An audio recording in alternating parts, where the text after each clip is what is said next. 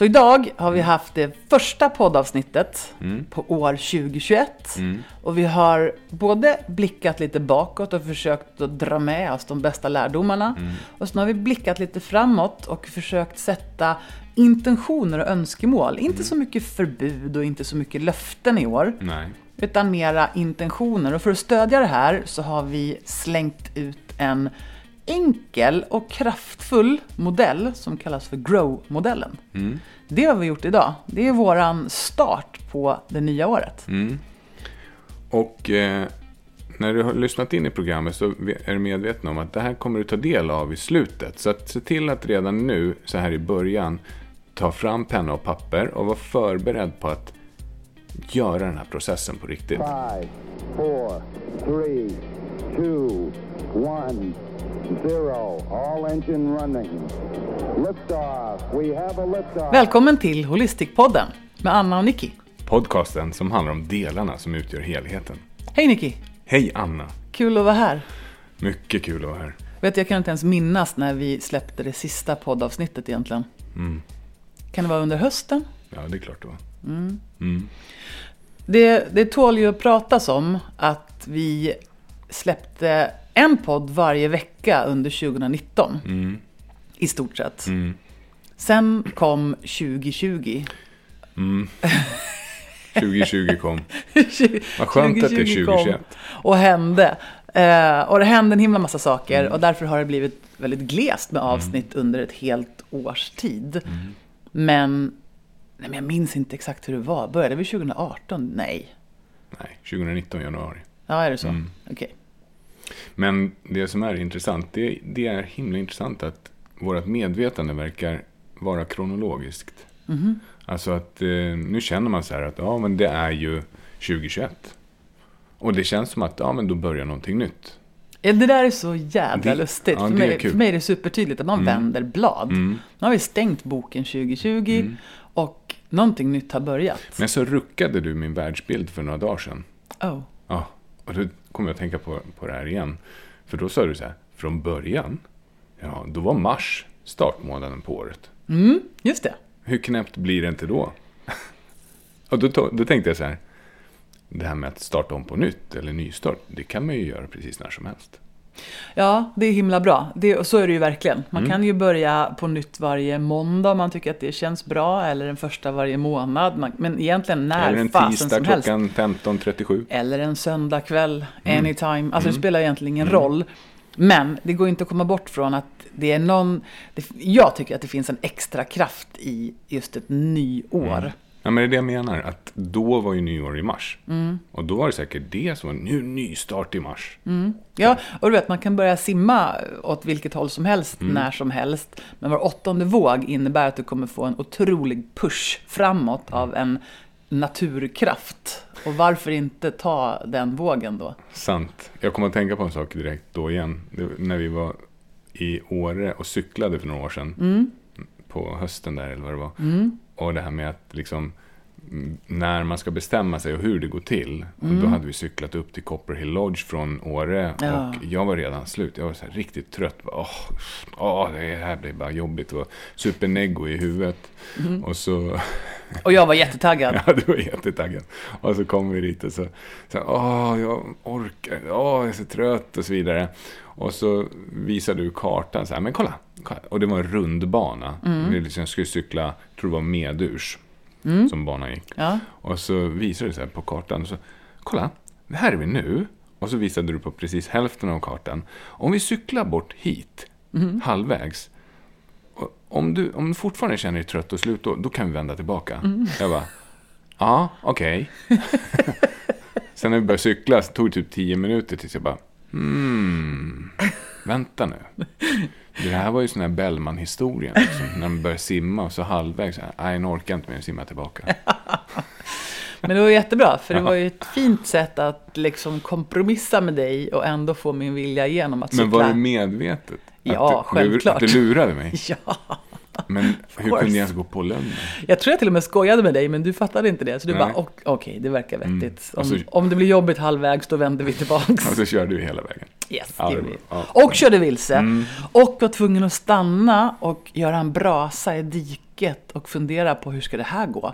För det började mörkna och blåsa. Och... Mm, just det där med att fundera på, det tycker jag ska bli intressant att prata mer om.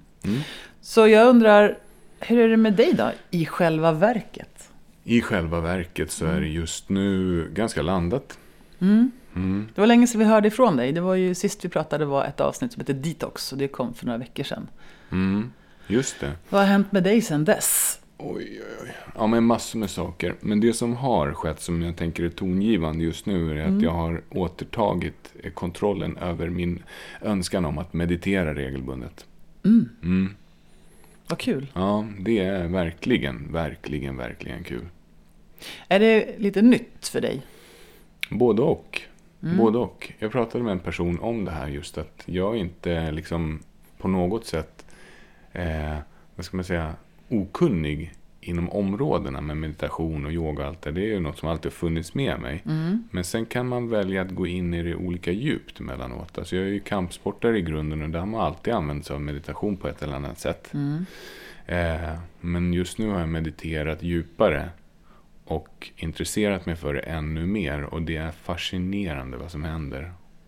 Det var som i, i morse så, så dök det upp en tanke om att vi är ju liksom omgärdade av vårt sinne 24-7.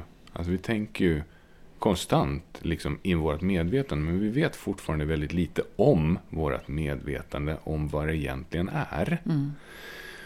Och jag tror att många kanske tänker att vårt medvetande, det är ju våra tankar.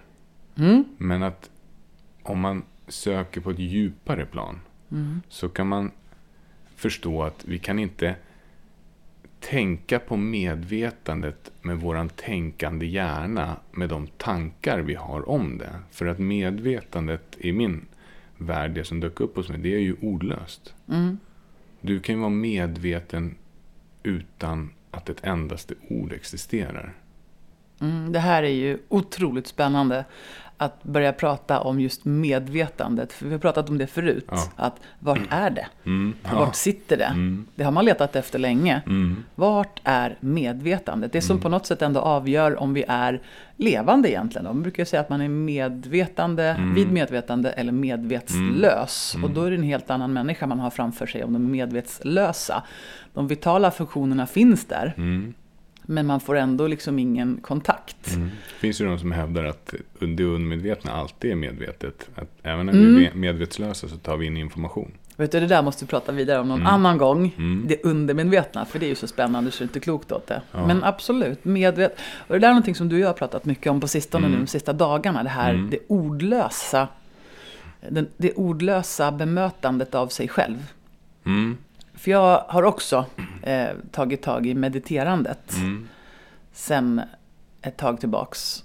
Det fascinerande, Anna, det är ju att, att du kan verkligen nå en strukturell förändring i hjärnan, biologiskt, anatomiskt, genom att meditera. Precis, du har ju förstås läst på en del. Ja, jag har ju det. Och, det. och det här är ju intressant då. Att Det finns ju gott om evidens för Ja. meditation. Alltså hippocampus, där vi lär oss saker och våra minnescentra sitter och så vidare. Och det har en tendens att faktiskt växa och bli större hos folk som mediterar ofta. Och att amygdala, reptilhjärnan, får jag rys på kroppen, blir mindre. Ja, det, det är ju... Det vill säga, vi blir mindre reaktiva och impulsstyrda. Vi har, får svårare att uppleva ångest, depression och så vidare. Tänk dig det, att få svårigheter med att uppleva ångest och depression. Det tror jag många skulle välkomna. Ja, och som jag skrev på något Instagram-inlägg här till, till vår vän Maria. Eh, att eh, tänk om någon hade sagt till dig att om du sitter ner 15 minuter och gör ingenting.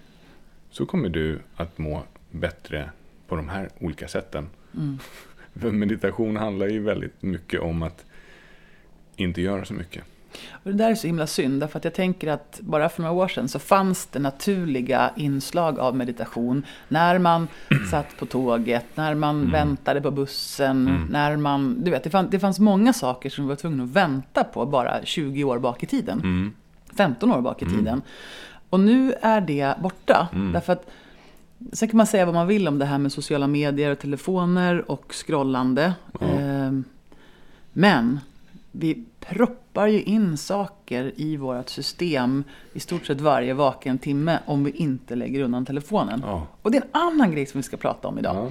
Nej, nu eh, känner jag mig sugen på att sätta igång faktiskt. Det är väldigt lätt att bara babbla loss och känna att man kan eh, egentligen prata om vad som helst, hur länge som helst med dig tycker jag. Ja, ja, men eh, nog om mig, Anna. Hur är det med dig i själva verket? Det är ganska bra. Mhm. Ehm, Varför ja- säger du ganska för? Ja, varför säger jag ganska? Nej men helt ärligt så har det varit ett, inte bara för mig, för många människor har det varit ett skitår. Mm. Och jag är ändå övertygad om att jag tror inte att någonting är ensidigt bara dåligt. Jag är helt säker på att 2020 Mm. har lärt oss någonting. Det har också inneburit bra saker för oss alla. Mm. Men många har ju haft det besvärligt. Det tror jag också. Faktiskt. Eh, Och jag är en av dem Mm. som har haft det besvärligt. Jag tycker att det har varit jobbigt, ett jobbigt år. Men det har också varit ett jobbigt år därför att både du och jag har upplevt två stora förluster. Mm. Det har varit eh, allt vad det innebär att ha en människa man älskar mest av allt i slutskedet av livet. Mm. Först chocken när någon blir sjuk Mm. och sen eh, oron och ångesten över att en person eh, är riktigt illa däran. Mm. Och sen chocken, sorgen, eh, bearbetningen av allt som händer när någon dör. Mm. Det har ju varit ett jätte, jättejobbigt år och jag tycker att det har tagit hårt. Och samtidigt så har vi då haft corona som har varit det här osynliga hotet som har liksom... Det är helt sjukt, det är ju som en dystopi, som en film. Det är så overkligt på något sätt att det finns ett hot och vi vet inte så mycket om det men det är överallt så akta dig. Andas inte, tvätta händerna, ta inte på någonting, möt inte människor. Det har ju liksom varit det ultimata sättet att stressa upp människor. Verkligen. Och det Och märks som om inte det räckte så har jag också då den här ekonomiska Mm. eh, hotet. Det är väldigt, väldigt många som har fått sin ekonomi påverkad. Mm. Några få har gått ut som vinnare det här året. Mm. Och sen ehm, det sociala hotet. Vi är vana att ha ett visst kasam, ett visst sammanhang där vi får livsenergi. Mm. Och plötsligt så har de här omständigheterna krympt så otroligt mycket. Mm. Och det har till och med varit så att om du väljer att träffa människor, ja, då har det varit lite grann så här att Ska du berätta det? Mm. Eller ska du smyga med det? Är det okej? Är det verkligen Är det- solidariskt? Ja men exakt, det är så många som har fått sina liv rubbade på så många sätt. Jag, jag, tycker en sak är viktig i det här sammanhanget. Mm. Det är det, här, det faktumet att våra ledare är också människor. De har också en amygdala, de har också en reptilhjärna, Mm, de har också en märks. familj och de är också oroliga för det osynliga. Mm. Vilket gör att de kommer att ta reflex, eh, alltså de får in reflexbeteenden. De blir Mm. reflexstyrda istället för, eh, vad heter det, ehm, reflektionsstyrda. De tänker inte lika klart. Det är bara ett faktum. Men ja. Mm. Mm. Nej, men så det är väl därför jag säger att det är ganska bra. Mm. För det känns ändå som att nu är det nytt år. Det är det. Och det är ju så otroligt lustigt att på coronatidslinjen Ja. så har det ju liksom inte hänt någonting drastiskt bara för att vi bytte siffra liksom längst bak i årtalet. Nej, det är inte borta. Det. Nej, men ändå är det så många som andas ut nu. Åh, vad skönt! 2020, 2020. vilket skitår! Nu lämnar vi det här bakom oss. Fast ingenting Ja. har ju hänt. Det är, ehm, jag har också reflekterat över det. Det är, det är Mm. lite dumt. Det är lite dumt och lite bra. Det är en bra kraft ändå att så många människor samtidigt på ett klockslag tänker att nu är vi av med den här skiten. Så där ja! We, we made it. Ja. Ja. Sen finns det jätteroliga memes om att eh, 2020 var det värsta året någonsin. Mm. Och 2021 säger Hold my beer.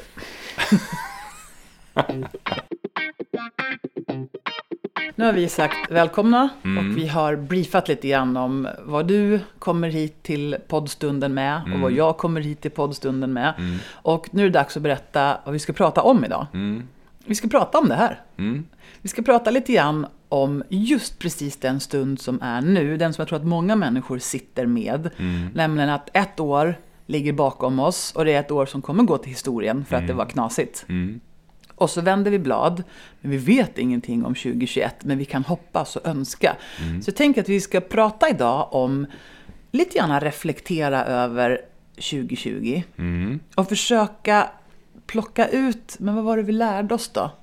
Och vad var det vi tog med oss bra saker? Vilka goda saker fick vi med oss av 2020?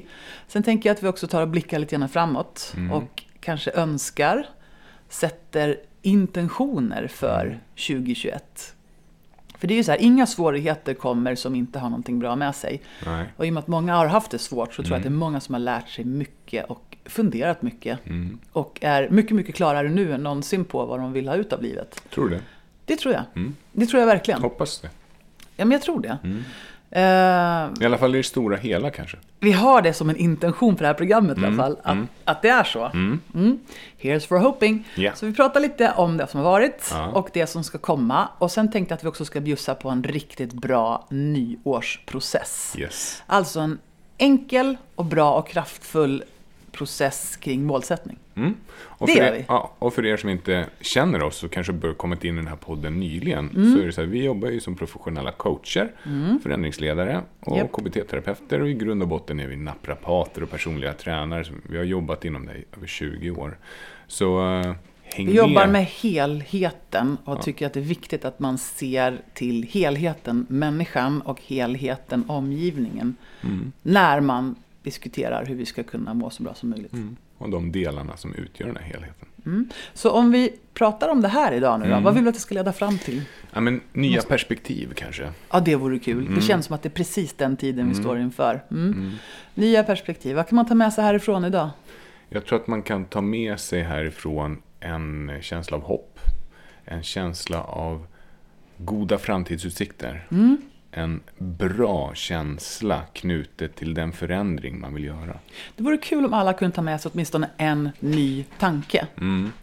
Att man kanske har fått en tanke som känns som att wow, det här var lite nytt. Mm. Det vore kul inför ett nytt år. känsla. Ja, kanske. Mm. Eh, och frågor som vi kommer ta upp under poddens stund. Mm. Det blir ju både reflektioner bakåt och målsättning och visioner framåt. Gud vad spännande. Ja, men det är bra. Mm. att Börja året med. Mm. Säger så. Nice. Om du skulle berätta om 2020 för någon som du känner eller inte känner in i framtiden någon gång och så ska du liksom förklara vad var det som hände där? Vad, Mm. vad skulle du berätta då? Det som slår en så här när året ligger så nära men ändå bakom oss. Mm. Det är ju att det var året som skakade om oss Mhm. och visade att vi kan visst ställa om fort. Mm. Det är en sak som jag har tänkt på väldigt, väldigt mycket. Det är det här med att vi har i åratal, kan vi säga åtminstone 30 år då, Mm. pratat om att hotet mot miljön är alarmerande. Vi måste ta tag i det här nu. Mm. Men vi har inte kommit så långt på vägen. För det har stötts och blötts och diskuterats och det har funnits en massa nej-sägare som har sagt nej men så kan vi inte göra, det kan vi inte göra, nej, det går aldrig och man har inte varit överens om vad vi ska göra och så vidare. Mm. Men så kommer coronaåret och plötsligt så har hela jorden snabbt som attan tryckt på bromspedalen Mm. ordentligt och gjort enorma omställningar. Både och. Broms och gas, tycker jag. Mm. Ja, precis. Exakt. Och jag tycker att det här året om något, då, om man ska försöka samla på bra saker, visar för oss att vi kan visst det ställa om. Folk kunde visst det sluta flyga flygplan hit och dit över hela världen. Jag har pratat med människor som har sagt att åh nej, mitt två dagars möte i Los Angeles blev inställt. Och då tänker man ju i sin miljödel av hjärnan att det är helt rubbat. Egentligen. Att man ska flyga, Flyga till till, Los Angeles. Los Angeles för två dagars möte när man faktiskt kan ta det på Skype till Mm. Det exempel. där tycker jag är en av de stora vinsterna. Ja, så Mm. det finns ju enorma vinster med det här förändrade beteendet som hela jorden samtidigt har behövt genomföra. Mm. Det tycker jag är coolt. Samtidigt så tänker jag lite grann så här, oj vad mycket plast vi gör av med nu. Med alla Engångshandskar engångs- och ja. skydd och, Ja, ja, och visir och allt vad det är förstås. Eh, där har jag ingen aning om. Det känns som att vi har sparat lite mer flygplansbränsle.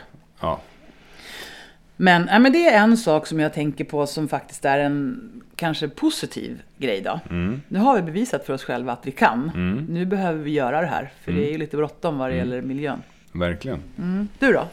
Ja, nej, men mina, han, det, man kan väl skilja det på lärdomar och, och på liksom reflektioner, vad jag har tänkt på. Det jag har tänkt på är det här med behovet av, av sammanhang för människor. Att det har aldrig blivit tydligare. Tidigare kanske det var så att man, man kanske inte tänkte så mycket på den här känslan av sammanhang. Men nu, när man inte får umgås med människor på samma sätt, då har jag hört om och om igen människor som saknar det personliga mötet.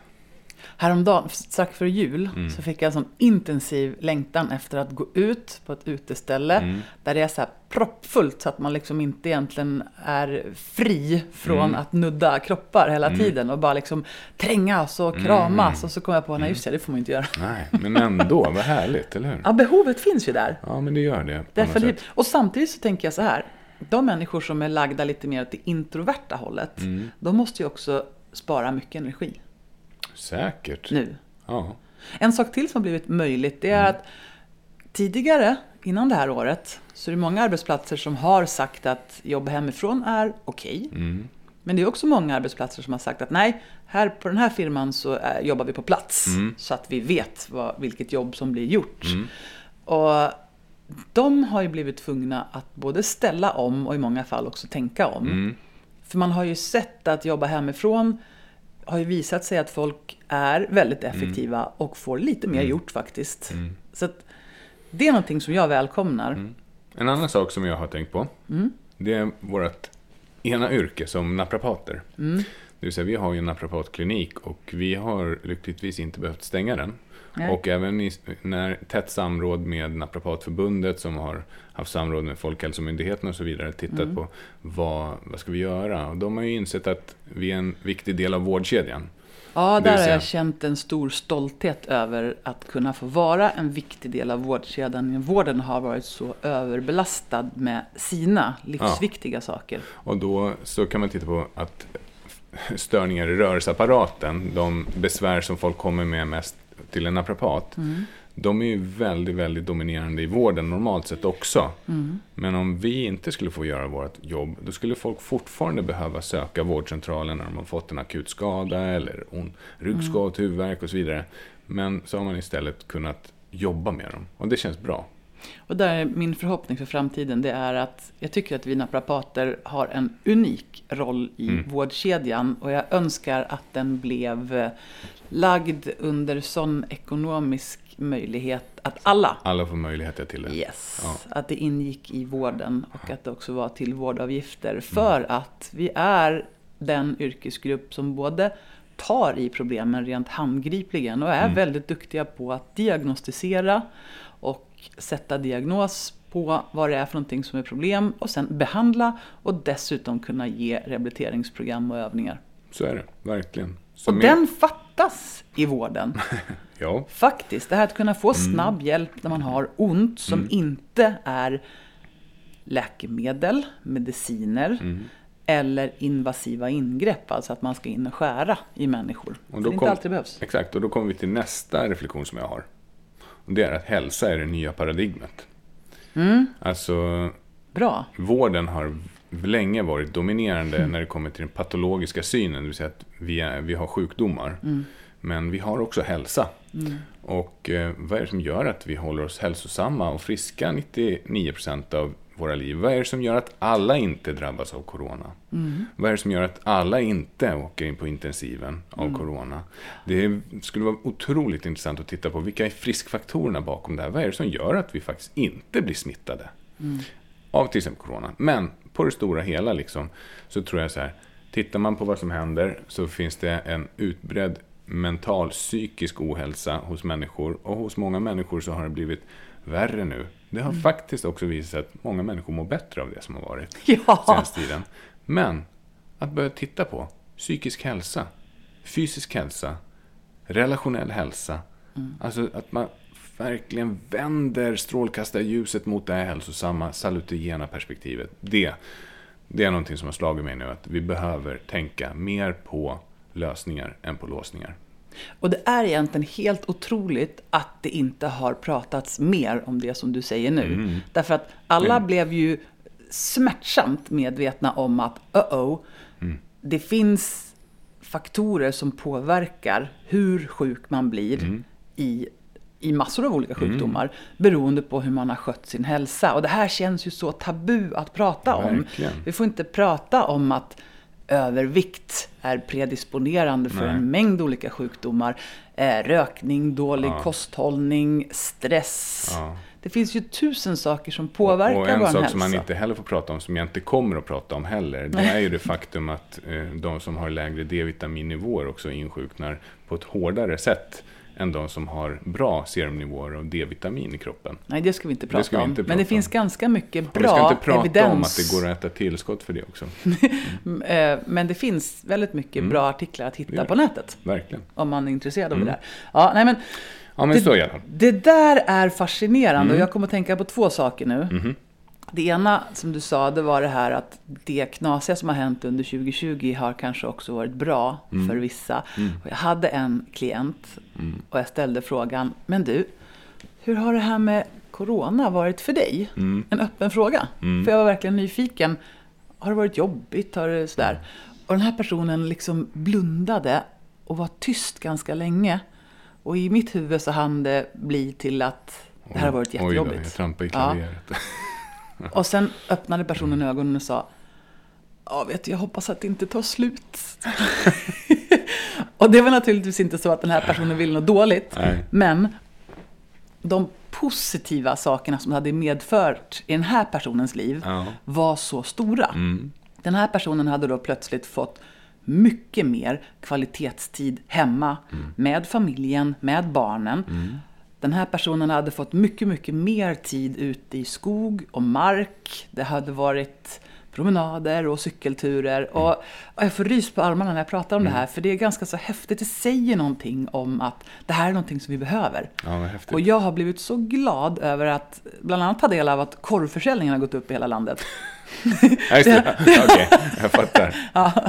Man sticker ut och grillar. Det har sålts otroligt mycket mer grillkorv och korvbröd förstås. Det är, fast, det, det är ju slut hela tiden. Ja men det är fantastiskt. Mm. Och det är så roligt därför att det, det säger ju oss då att istället för att göra andra saker, jag kan bara spåna om att eh, åka och handla Mm. eller göra andra grejer, så har folk valt att ja, vi, får väl, vi går väl ut i skogen då. Det Mm. verkar folk göra. Och jag när jag är ute och cyklar och springer ser mycket, mycket mer människor ute att- och röra sig i skog och mark. Vilket och man friskhetstecken. Ja, jag blir så himla glad. På riktigt, det här gör mig så glad. Det var den ena saken jag kom att tänka på. Mm. Den andra grejen, eh, nej men det känns så ursprungligt också att liksom Mm. få mer tid med familjen. Det har ju gått så fort, Mm. utvecklingen till att vi är så upptagna hela tiden. Mm. Den andra grejen, det var det som du nämnde, det här med det allmänna hälsotillståndet. Mm. För två år sedan, nästan exakt, Mm. så råkade jag ju eh, hugga av mig en fingertopp. Ja, Det var lite äckligt. äckligt. Ja. Mm. Eh, det var inte meningen, det bara hände. Mm. Och så plötsligt så sitter man där på sjukhuset och ska fylla i en hälsodeklaration inför en akutoperation. Ja. Det var ganska många sidor. Och Du vet, det såg ut som en sån här gammal syltburk. Du vet, man har som ett här glaslock som man kan flippa upp och lägga över åt sidan. Så såg din fingertopp ut. det var jätteäckligt. Drottningsylt. Usch, jag Ja. tittade inte. Men i alla fall. Mm. Och då sitter man där. Jag hade inte planerat att min fingertopp skulle ramla av, men den gjorde ju det.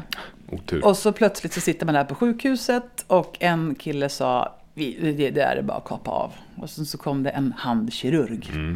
Och han sa nej, nej, det här syr vi tillbaks.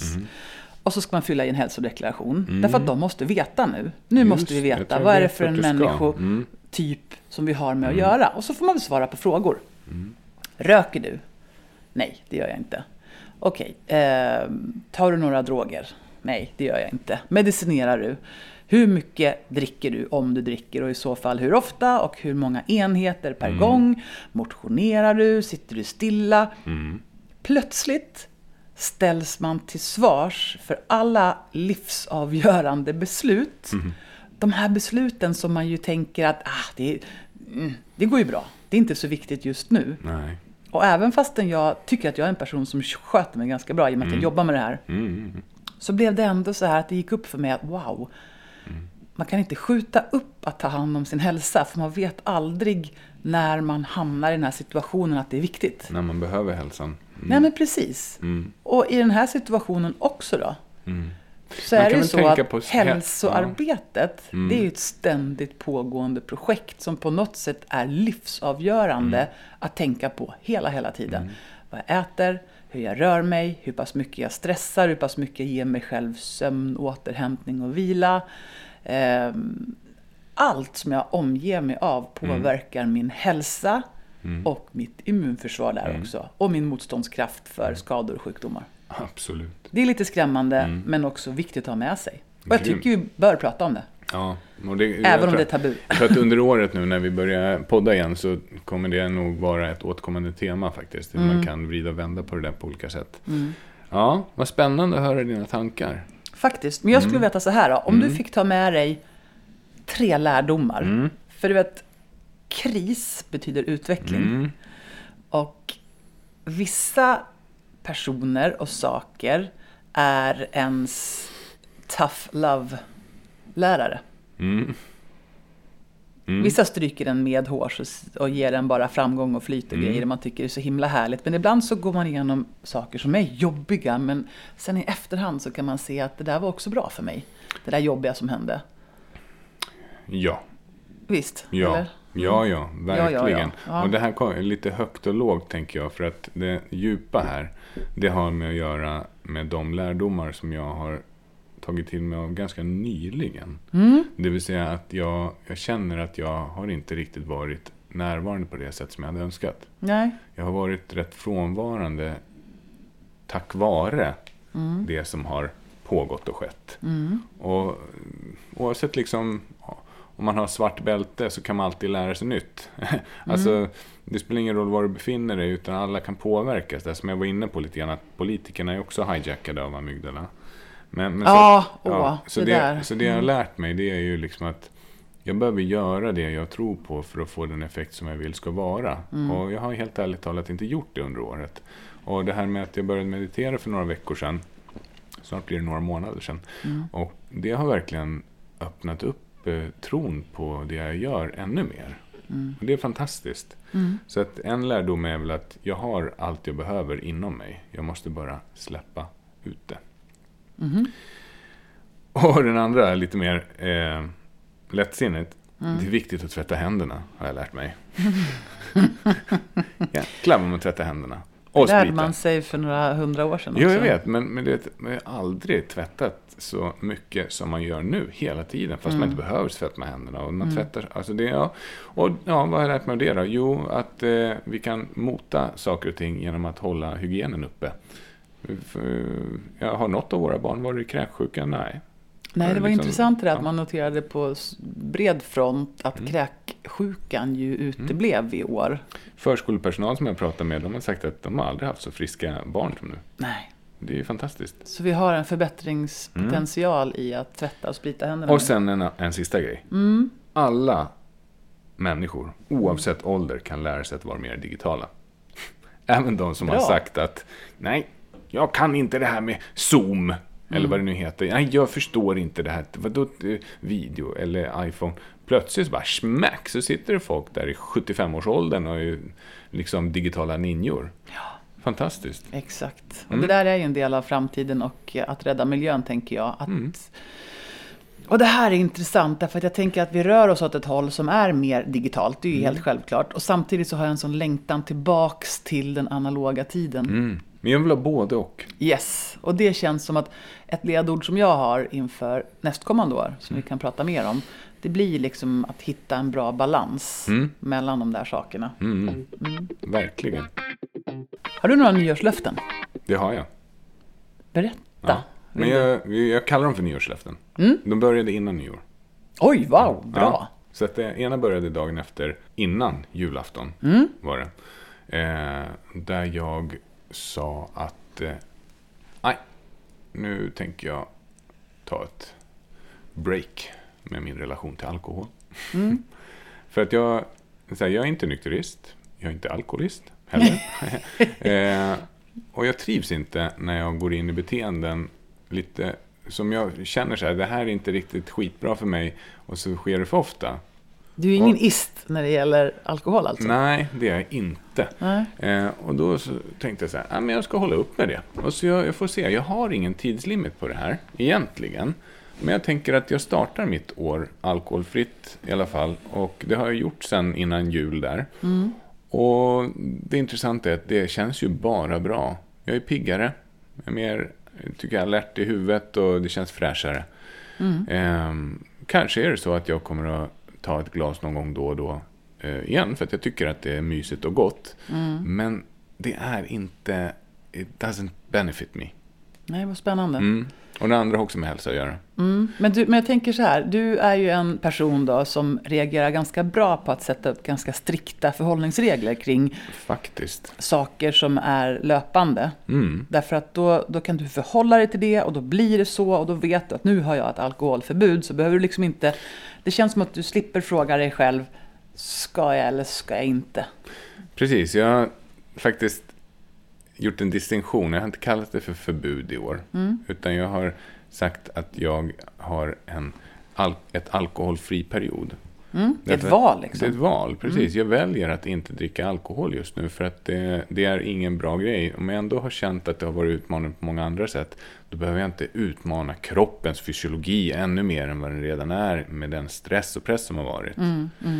Så effekten av att inte dricka alkohol bam, badabam, är bättre sömn, bättre ork, mera energi och en fräschare kropp och knopp. Så det Känns det bra? Ja, det känns skitbra. Verkligen. Jag som Det- lever nära dig tycker Mm. ju att du är en härligare och fräschare person. Ja, plus att det är samma sak som förra gången jag tog ett eh, alkoholstopp. Då höll det i tre år tror jag.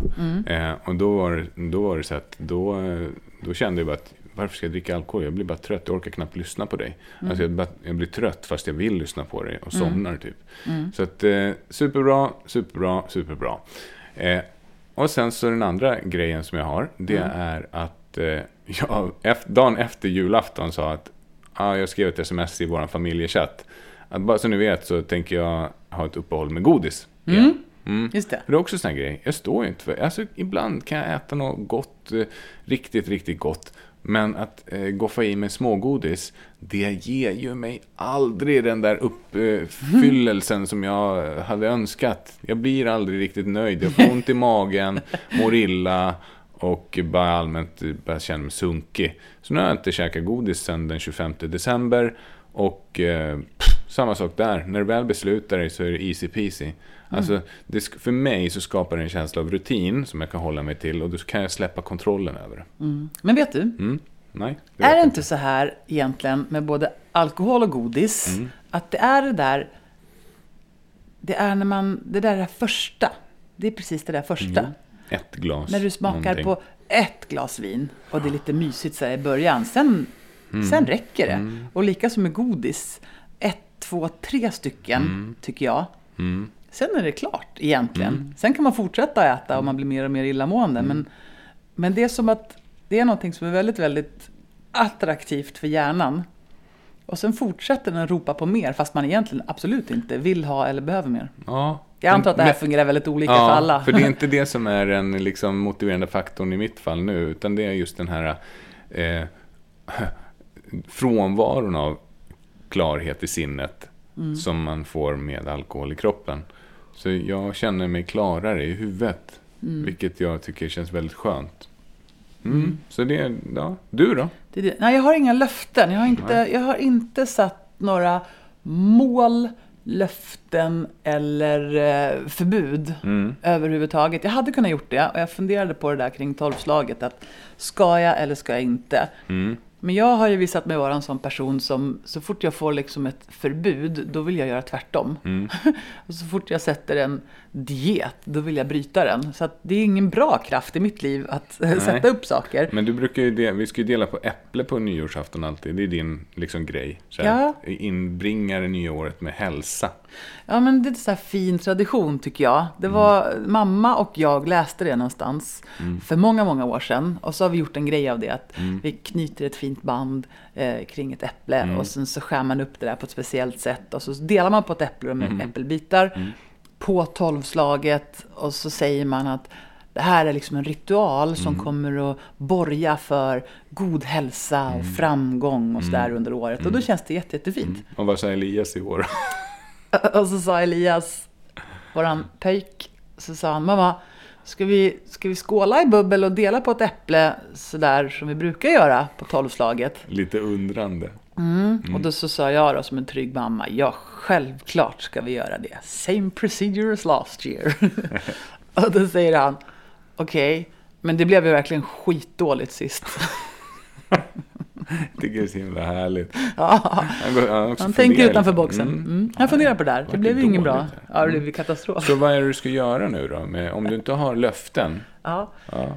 Jag håller på att utforma det, Jaha, ska jag berätta. okej. Eh, ja, därför att nu är vi precis i början på januari och istället för att liksom sätta ett precis datum så har jag skaffat en ny kalender och en ny anteckningsbok. Och jag har också börjat med en sak redan innan nyår. Och det är att jag varje, varje, varje morgon gör en speciell yogarutin. Och sen så efter det så gör jag en speciell andningsrutin. Och sen efter det så kör jag, mediterar jag. Mm. Och det här tar sammanlagt cirka en halvtimme och det är någonting som jag vill ta med mig i hela året. Och vi har glidit in på och pratat lite grann om det här, men det här, det här ordlösa känns väldigt spännande. Att det, vi är, eller vi, jag, hamnar ofta uppe i huvudet. Ja, man intellektualiserar och man tänker och man försöker förstå och man sätter ord på. Och det, blir, det blir som att man tänker 10 000 tankar för mycket varje dag ibland för att försöka lösa någonting som kanske är ordlöst. Och där i kommer man ner i kroppen när man yogar, andas och mediterar. Och det här känns nytt och fräscht och självklart. Häftigt. Mm, så den vill jag ta med mig. Sen vill jag jobba långsiktigt med att införa yin-yoga, gärna 30 minuter per kväll. Det vore något det. Mm, det är fint. Alltså det, jag har massa nya grejer som jag har satt igång också. Men jag, jag tänker inte att jag outar dem här just nu. Utan vi kan komma in och prata om dem vidare sen. Sådär. Ja, men det är ju spännande. Jag tänkte bara kolla om det var någonting mer. Jo, men jag pratade lite om det här med, jo, det här. Mm. Vi har jobbat som välmående terapeuter i många, många, många år. Mm. Och varit med i utvecklingen som har skett i många, många, många år. Och är det någonting som jag blir mer och mer övertygad om så är det att det här med att vi har fått små skärmar som vi har med oss överallt hela tiden. Det må föra med sig många, många fördelar. Men jag undrar om det inte är det som gör oss så jädra stressade. Och att vi mår sämre. Kan det vara en dosfråga? Ja, men jag tror det. Men jag tänker att alla människor Alltså är det bara dåligt? Jag tycker att det är en designfråga. Nej, nej, jag tror absolut inte att det bara är dåligt. Jag menar, det finns ju så många funktioner och fördelar. Alltså, det löser ju så mycket med att ha den här grejen. Men jag tror också att för mig är det inte bara bra. Så att en sak som jag kommer verkligen sätta upp någon sorts standard för, det är hur jag använder min telefon och mina skärmar. Därför att helt ärligt, jag har en brevlåda här ute utanför huset. Jag vet var den bor. Eh, Ja. Ja. men jag går inte dit en gång i timmen och kollar om det har kommit något. Gud vad roligt. Jag har aldrig gjort det. Eller flera gånger i timmen. Nej, och jag lyfter inte heller på luren så här i telefonen och bara Hallå, är det någon där? Har det är det någon som har ny? sagt något? Är det någon som tycker något? Är det någon som har ätit något? Alltså jag gör ju inte det. Har det kommit någon ny reklam? Nej, men, det är så korkat.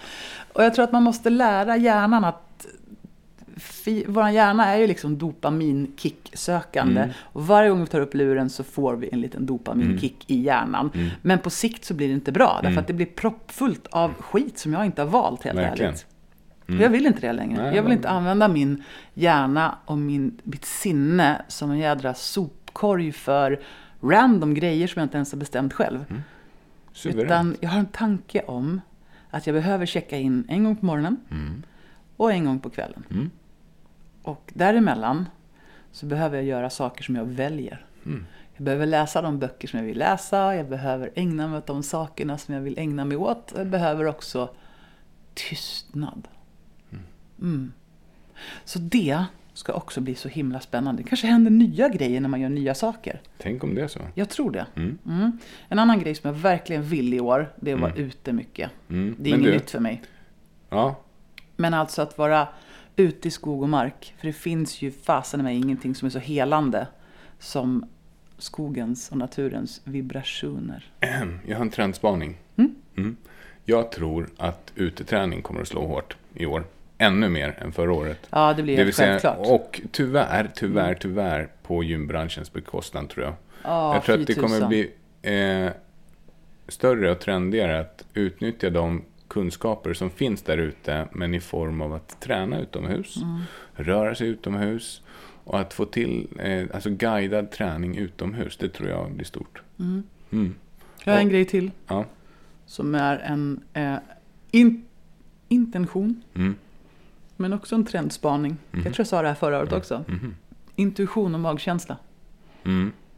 Mm. Och det är också liksom en liten hint till det här som vi pratade om nyss. Att man kan bli väldigt mycket uppe i huvudet. Mm. Man ska tänka fram med sina tankar. Men beroende på vilken del av hjärnan som är mest triggad för stunden. Mm. Så blir de tankarna inte så himla bra.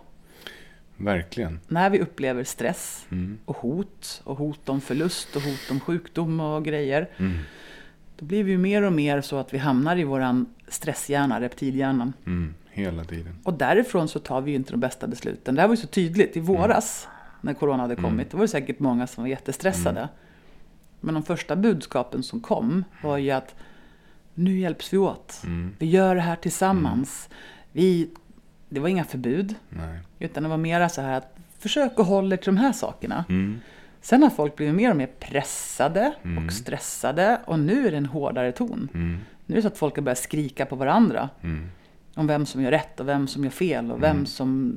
Du vet, det, det blir inget bra. Så hur ska man nu komma vidare ur det här då? Det var en bra fråga. Tänker du att jag ska veta det? Nej.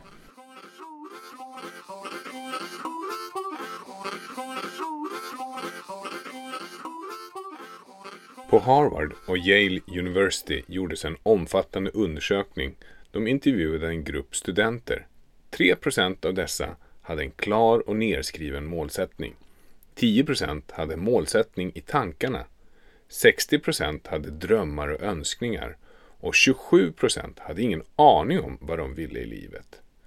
20 år senare följdes studenterna upp och resultatet blev följande. De tre som hade klara och nerskrivna mål hade en förmögenhet som var större än vad de andra 97 procenten hade tillsammans. Liknande undersökningar har gjorts med liknande resultat. Nu är ju inte pengar allt och denna princip går att använda på vad du än vill uppnå. Så varför sätter man inte upp mål då? Många missar helt enkelt att göra en målsättning och det finns säkert många anledningar till det här. Men här är några av de vanligaste. Man inser inte hur viktigt det är. Rädd för att misslyckas. Man vet inte hur man gör. Eller man är rädd för att sticka ut från mängden, det vill säga man är rädd för att lyckas.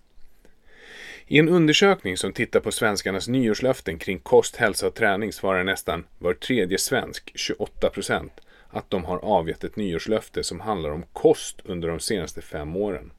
Allra vanligast är bland kvinnor mellan 18 och 29 år, 55 procent. Var femte svensk, 20 procent, har redan avgett eller kommer att avge ett nyårslöfte om kost inför år 2021. Flest med den ambitionen finns bland kvinnor i åldrarna 18 till 29 år, 36 procent. Kollar man på statistiken så ser det inte så bra ut tyvärr. Endast 25 procent lyckas hålla sina nyårslöften och de flesta som misslyckas gör det redan innan januari är slut. Lyssna vidare så får du veta hur du lyckas uppnå dina mål.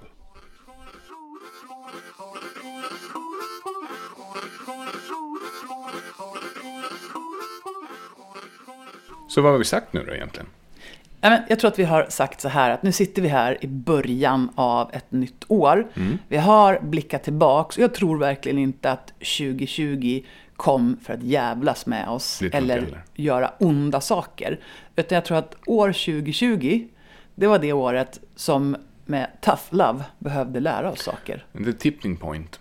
Ja, men jag tänker att det var viktigt, helt ärligt. Jag tänker att 2020 fick den otacksamma uppgiften att lära oss en hård läxa, eller flera. Och jag tror att vi kanske inte har fått fatt på den här läxan helt och fullt ännu. Men jag tror att det kommer att falla in och jag tror att det kommer att vara viktigt för framtiden. Och då känns det lite lättare att se att ja, vi allihopa gick igenom det här och det var viktigt. Sen naturligtvis, fruktansvärt hemskt med människor som blir sjuka, allvarligt sjuka och dör och alla de som har upplevt förlust och ångest och Ja. svårigheter kring det här. Såklart, men om man zoomar ut tillräckligt långt och tittar på de som har klarat sig Mm. så, så är det min, min upplevelse. Okej. Så vi har pratat lite grann om vad, vad som har hänt, vad vi har reflekterat över och vad vi kanske lärde oss.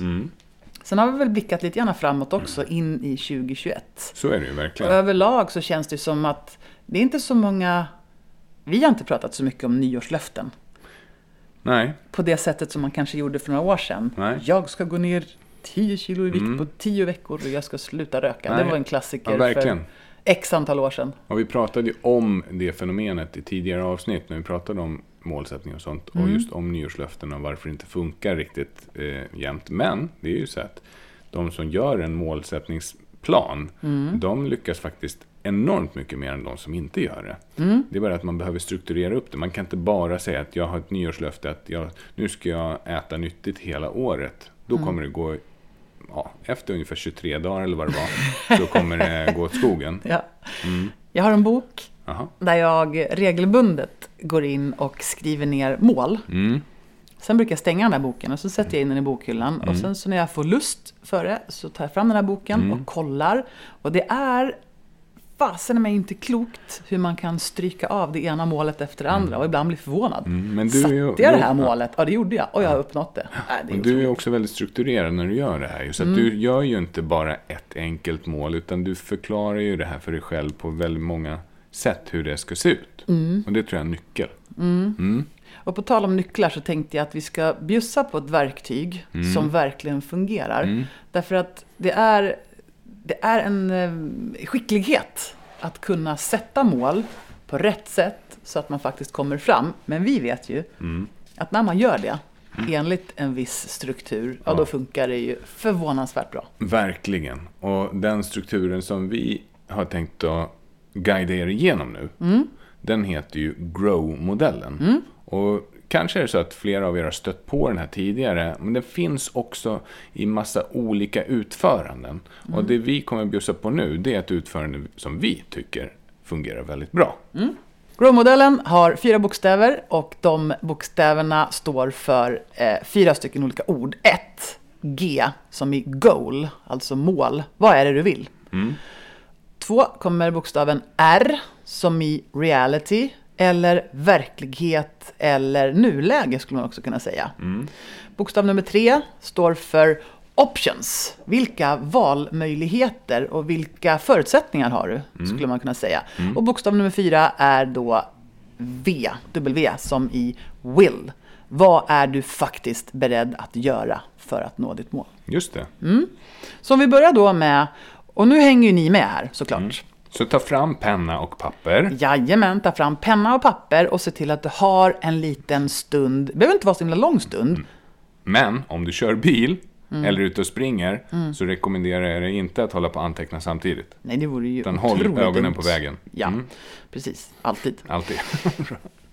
Men om vi börjar med det här då.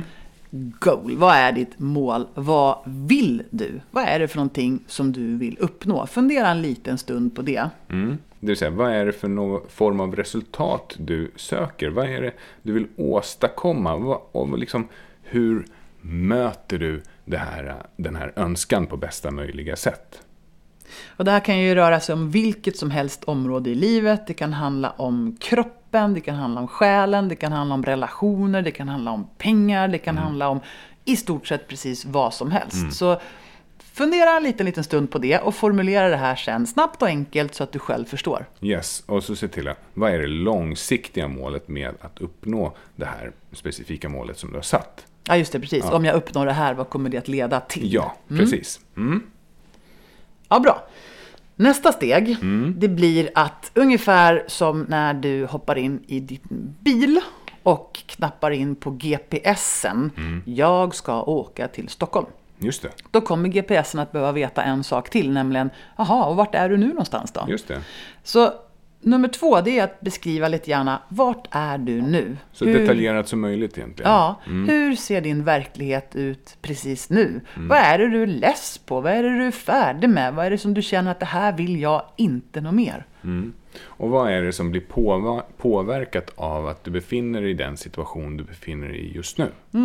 Till exempel blir du otroligt trött och seg av att inte röra på dig tillräckligt och äta skräpmat. Vad har du redan gjort som leder vidare mot det mål du vill till?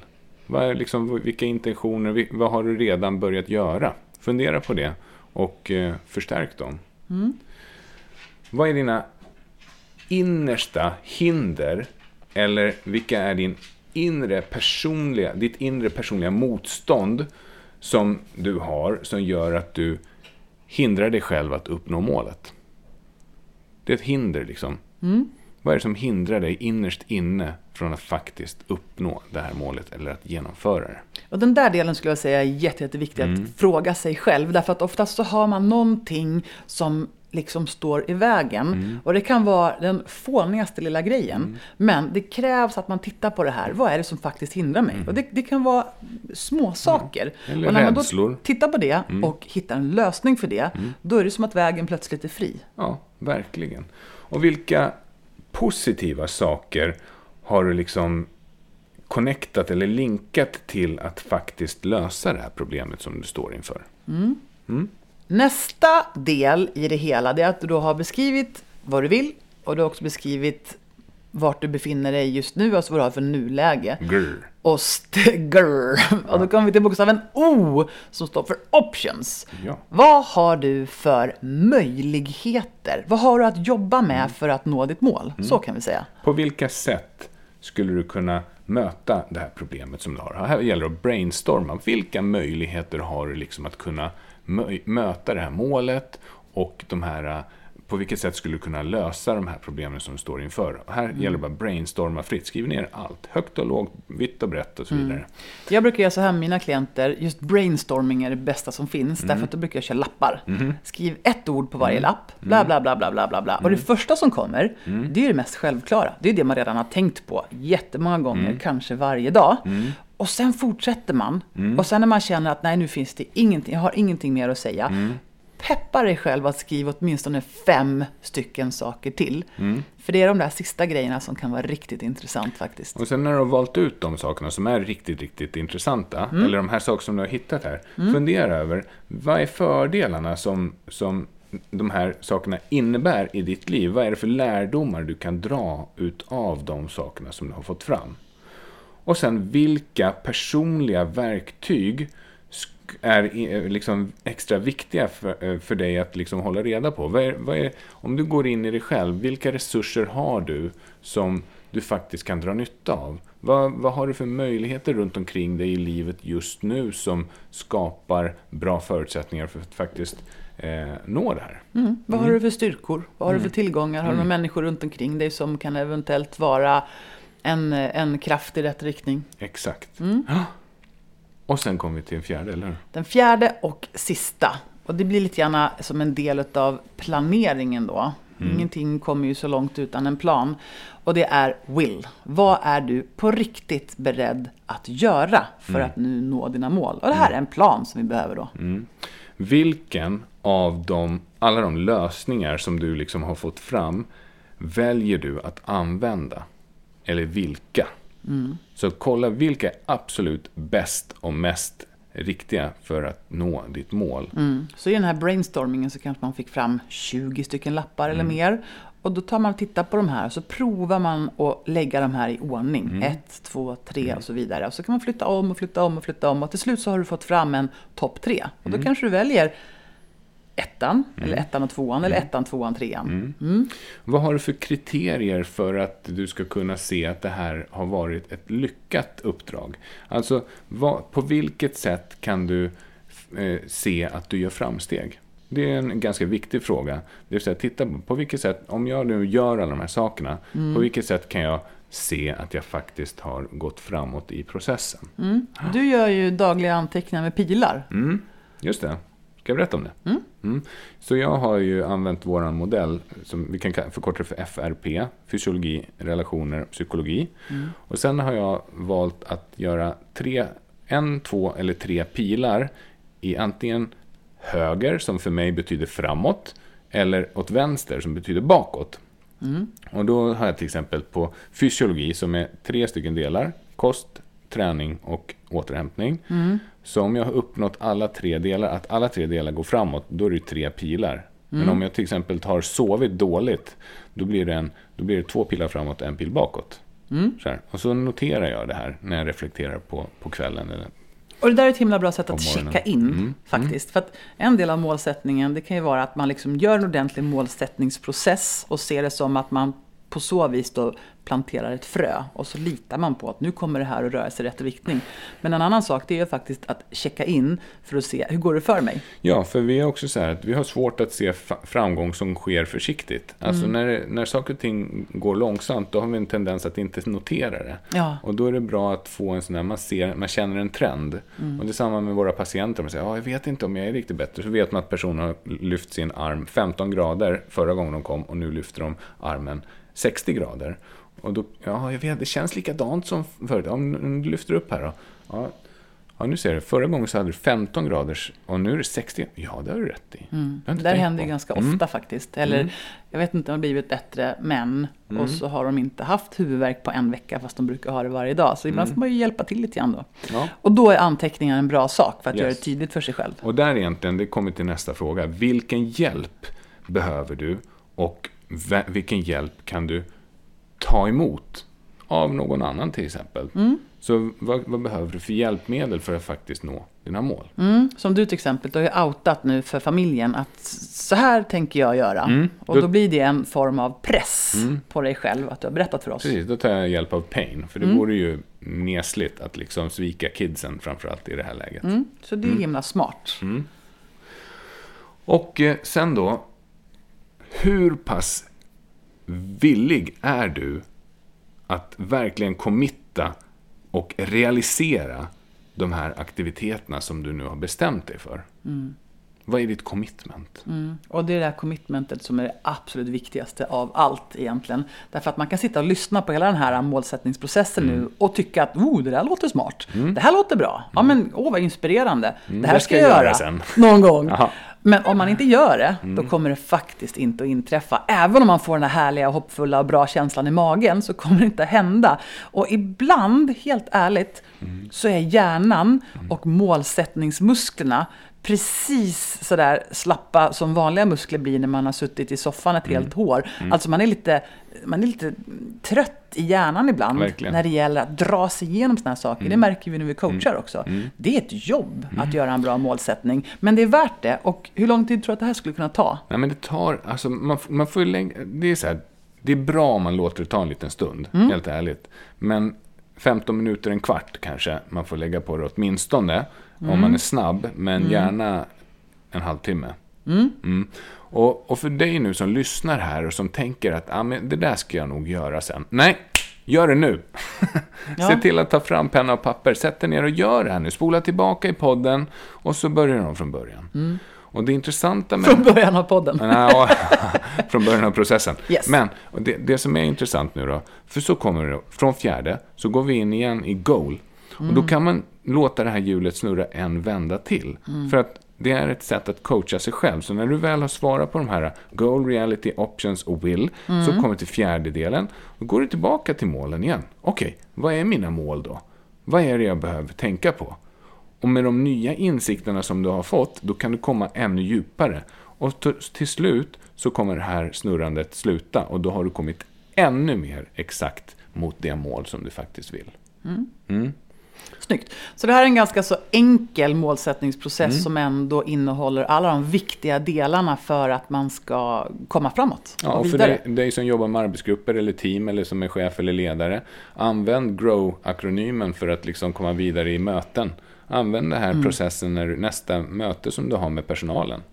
Det är oerhört att se vad som händer i en grupp när man får lite klarhet och riktning. För det är så mycket energi som frigörs och man känner det i rummet där och då. Att, Wow, nu händer det grejer. Folk vill ju framåt och folk vill ha riktning. Men det är svårt att veta vart man ska göra mål någonstans om man inte har något mål överhuvudtaget. Exakt, och springa runt på en plan liksom och inte veta vad man ska göra inte lika kul som att få göra mål. Nej, det är som den där äh, sketchen med Monty Python. När det är äh, 100 meter för människor utan lokalsinne. Pang! Då springer de åt olika håll. Jättekul. Ja. Okej, så jag tänker så här, Nicky. Sk- Idag så är det faktiskt 2021 års första Holistic-podden. Woho! Och vi har babblat lite grann Ja, om året som har varit och året som kommer. Vi har pratat lite grann om rutiner och hopp och möjligheter och tough love. mm. Och vi har faktiskt gått igenom en process som jag vet att alla som gör den här nu, alla som tar sig tiden att här och nu göra det här, kommer att komma fram. Mm. Och det är ganska roligt. Mm. så är det. Vad tycker du då? Vad har vi pratat om? Nej, men jag tycker att vi har pratat om, om reflektion egentligen. Att, vad, är det vi, vad är det vi har tagit med oss av det som har varit och vad kan vi göra av det som komma skall? Mm. Vad har vi inte pratat om? Ja, men vi har inte pratat så himla mycket om eh, mina skor. Nej, skulle vi ha gjort det? Nej. Nej. Men däremot så har vi inte pratat så mycket heller om kroppshets Nej. eller ytliga nyårslöften. Nej. Utan vi har pratat mer om helhetshälsa och djupgående actions för att nå ja, men, sina livsmål. Och det här är ju olika för alla. Vad är syftet i mitt liv? Hur kan jag få känna mer glädje och energi i livet? Det är väl det det handlar om. Helt ärligt, vad är, jag. vad är meningen med livet? Du vet, när meningen med livet försvinner, Mm. då blir det tomt och jobbigt. Och sådana här saker hoppas i alla fall vi att det ska bidra till att man kan fundera lite grann över, ja, meningen med livet, det är väl liksom att leva livet. Mm. Just det, en liten flagg så här i slutet av podden. Ibland så vill man saker som inte funkar för stunden. Till exempel om mitt mål är att få umgås med hela mitt härliga gäng och kramas och pussas och festa. Då vet vi ju att okej, det kommer inte att funka just nu. Så ibland får man sätta mål som blir second best. Hur kan jag förhålla mig till att det inte kommer att hända kanske på ett halvår? Hur ska jag göra det bästa av situationen för att få ut så mycket som möjligt? Kan jag skypa? Kan jag styra upp någon sorts telefonmötesrutin? Kan jag, ja. Sådana saker kan ju också inträffa. Verkligen.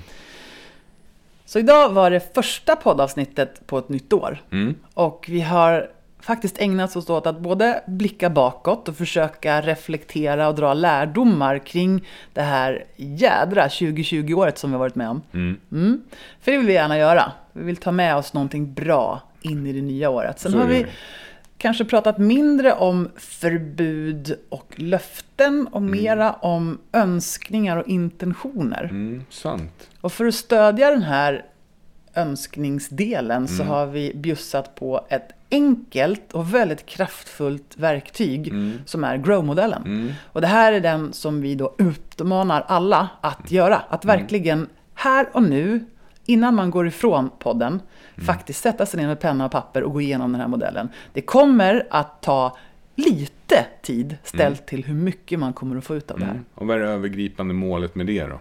Det övergripande målet, det är ju att få leva lifet. Att få mera liv i livet och att kanske få komma närmare sig själv och det som är mina önskningar och drömmar och unika tillgångar här i livet. För jag är helt säker på att vi alla är helt unika. Och att vi behöver få lyssna på oss själva och göra det som vi behöver göra. Så en delmål, delmål på vägen här som jag ser, det är Mm. ju att man liksom eh, delar upp det här. Så att man tar och funderar över vad kan jag göra idag? Ja, den är bra. Vad kan jag göra imorgon? Vad kan jag göra i den här veckan? Mm. Och så vidare. Så att man inte tar för stora bitar. Liksom av, eller hur, hur äter man upp en elefant? En Mm. tugga i taget. Det är svårt att svälja hela elefanten på en gång. Och det braiga, det är att få med sig en sån här sak som man kan göra, som man kan börja med nu på en gång Mm. och som jag vet att jag kan göra varje dag som känns möjlig. Verkligen. För om det redan från början känns som att oh, hur ska det här gå, Mm. det kommer ta för lång tid eller det kommer kosta för mycket energi. Då är det ju dömt att misslyckas. Yes. Men om man får med sig en portionsstorlek som känns som att det här fixar jag. Mm. Då kommer det ju att gå åt rätt håll. Just det, så hur säkerställer man att, man, att det går åt rätt håll? Och det, ja, det är ju till exempel att, att eh, återigen liksom ha fokus på det här målet som man har satt upp. Det vill säga, om du inte vet vad du ska, då spelar det ingen roll vart du, vilken väg du tar. Men om du har ett mål och kör i diket lik förbaskat, då behöver du komma upp på vägen igen. Ibland när jag sticker ut och cyklar mountainbike, Mm. någonting som jag tycker är fruktansvärt roligt, då kan jag sticka upp till vår lokala mountainbike-slinga och mitt mål, Mm. det är att ha en runda utan en enda fotisättning. Mm. För det vore coolt. Men det händer oftast inte. Nej. Utan det blir ju minst en fotisättning och ibland så blir det ett ligg i skogen också. Mhm. Men Mm. det betyder ju inte att jag då går hem och gråter och tänker att det gick inte. Nej, Utan jag fortsätter ju såklart. just det. Ändå. Alla får ligga. Så att, att köra i diket, det är någonting som händer. Mm. Eh, ligg i skogen händer också. Ja. Och, och det är bara härligt. Och så fortsätter man. Och en annan så, en metafor, eller en bild som dyker upp i mitt huvud. Så här, hur, hur, hur, hur kan du se stjärnorna på bästa möjliga sätt? Oj, jag vet inte. Jag tittar lite på sidan av dem. Om du tittar lite på sidan av och tittar lite längre fram än den stjärna du vill se så kommer du att stjärnorna att uppenbara sig tydligare. Så att hela tiden ha en, hö, alltså höja blicken och titta framåt.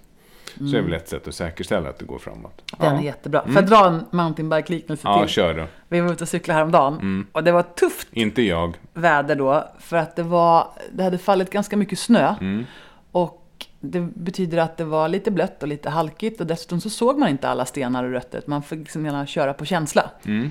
Och då blev det så oerhört tydligt att i vissa passager så var det väldigt mycket halkiga rötter och stora stenbumlingar.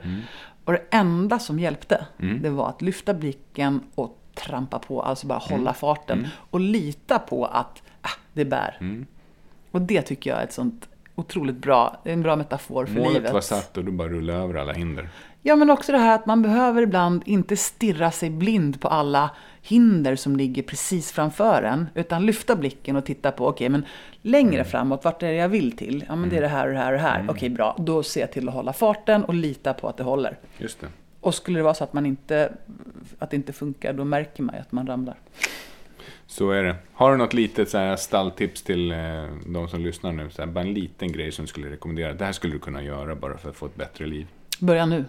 Okej, snyggt. Alltså det är det där, ibland så tänker man att jag ska komma i bättre form, jag börjar på måndag. Men börja nu. Mm. Därför att eh, då vet du att du verkligen menar det. Så börja nu på en gång. Konkret från min sida så är det, börja meditera. Gör det bara. Hur länge? Ja, det spelar ingen roll i början. Du blir bättre och bättre på det du tränar på. Så börja med tre minuter eller börja med en, min- en minut. Liksom, det, det är inte så viktigt. Bara att du gör det konsekvent, att du gör det regelbundet. Det, det är ännu viktigare. Kommer det att komma ett avsnitt ganska inom snar framtid som handlar om meditation? Det, kanske, det avsnittet kanske kommer heta Deep Thought. Eller någonting sånt. Men Inte det vi jag. inte skulle göra. Nej, men du vet, att prata om djupare meningen med meditation och de bitar som handlar om det här med reflektion och det. Absolut, jättekul. Men, nu säger vi hej då! Och som vanligt så får du jättegärna följa oss på sociala medier.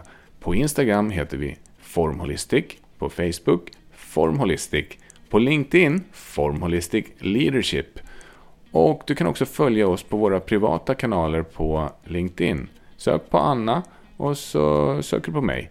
Det är hur lätt som helst. Vill du veta mer om oss så kan du också komma i kontakt med oss via vår hemsida www.formholistic.com eller mejla oss på contact.formholistic.com.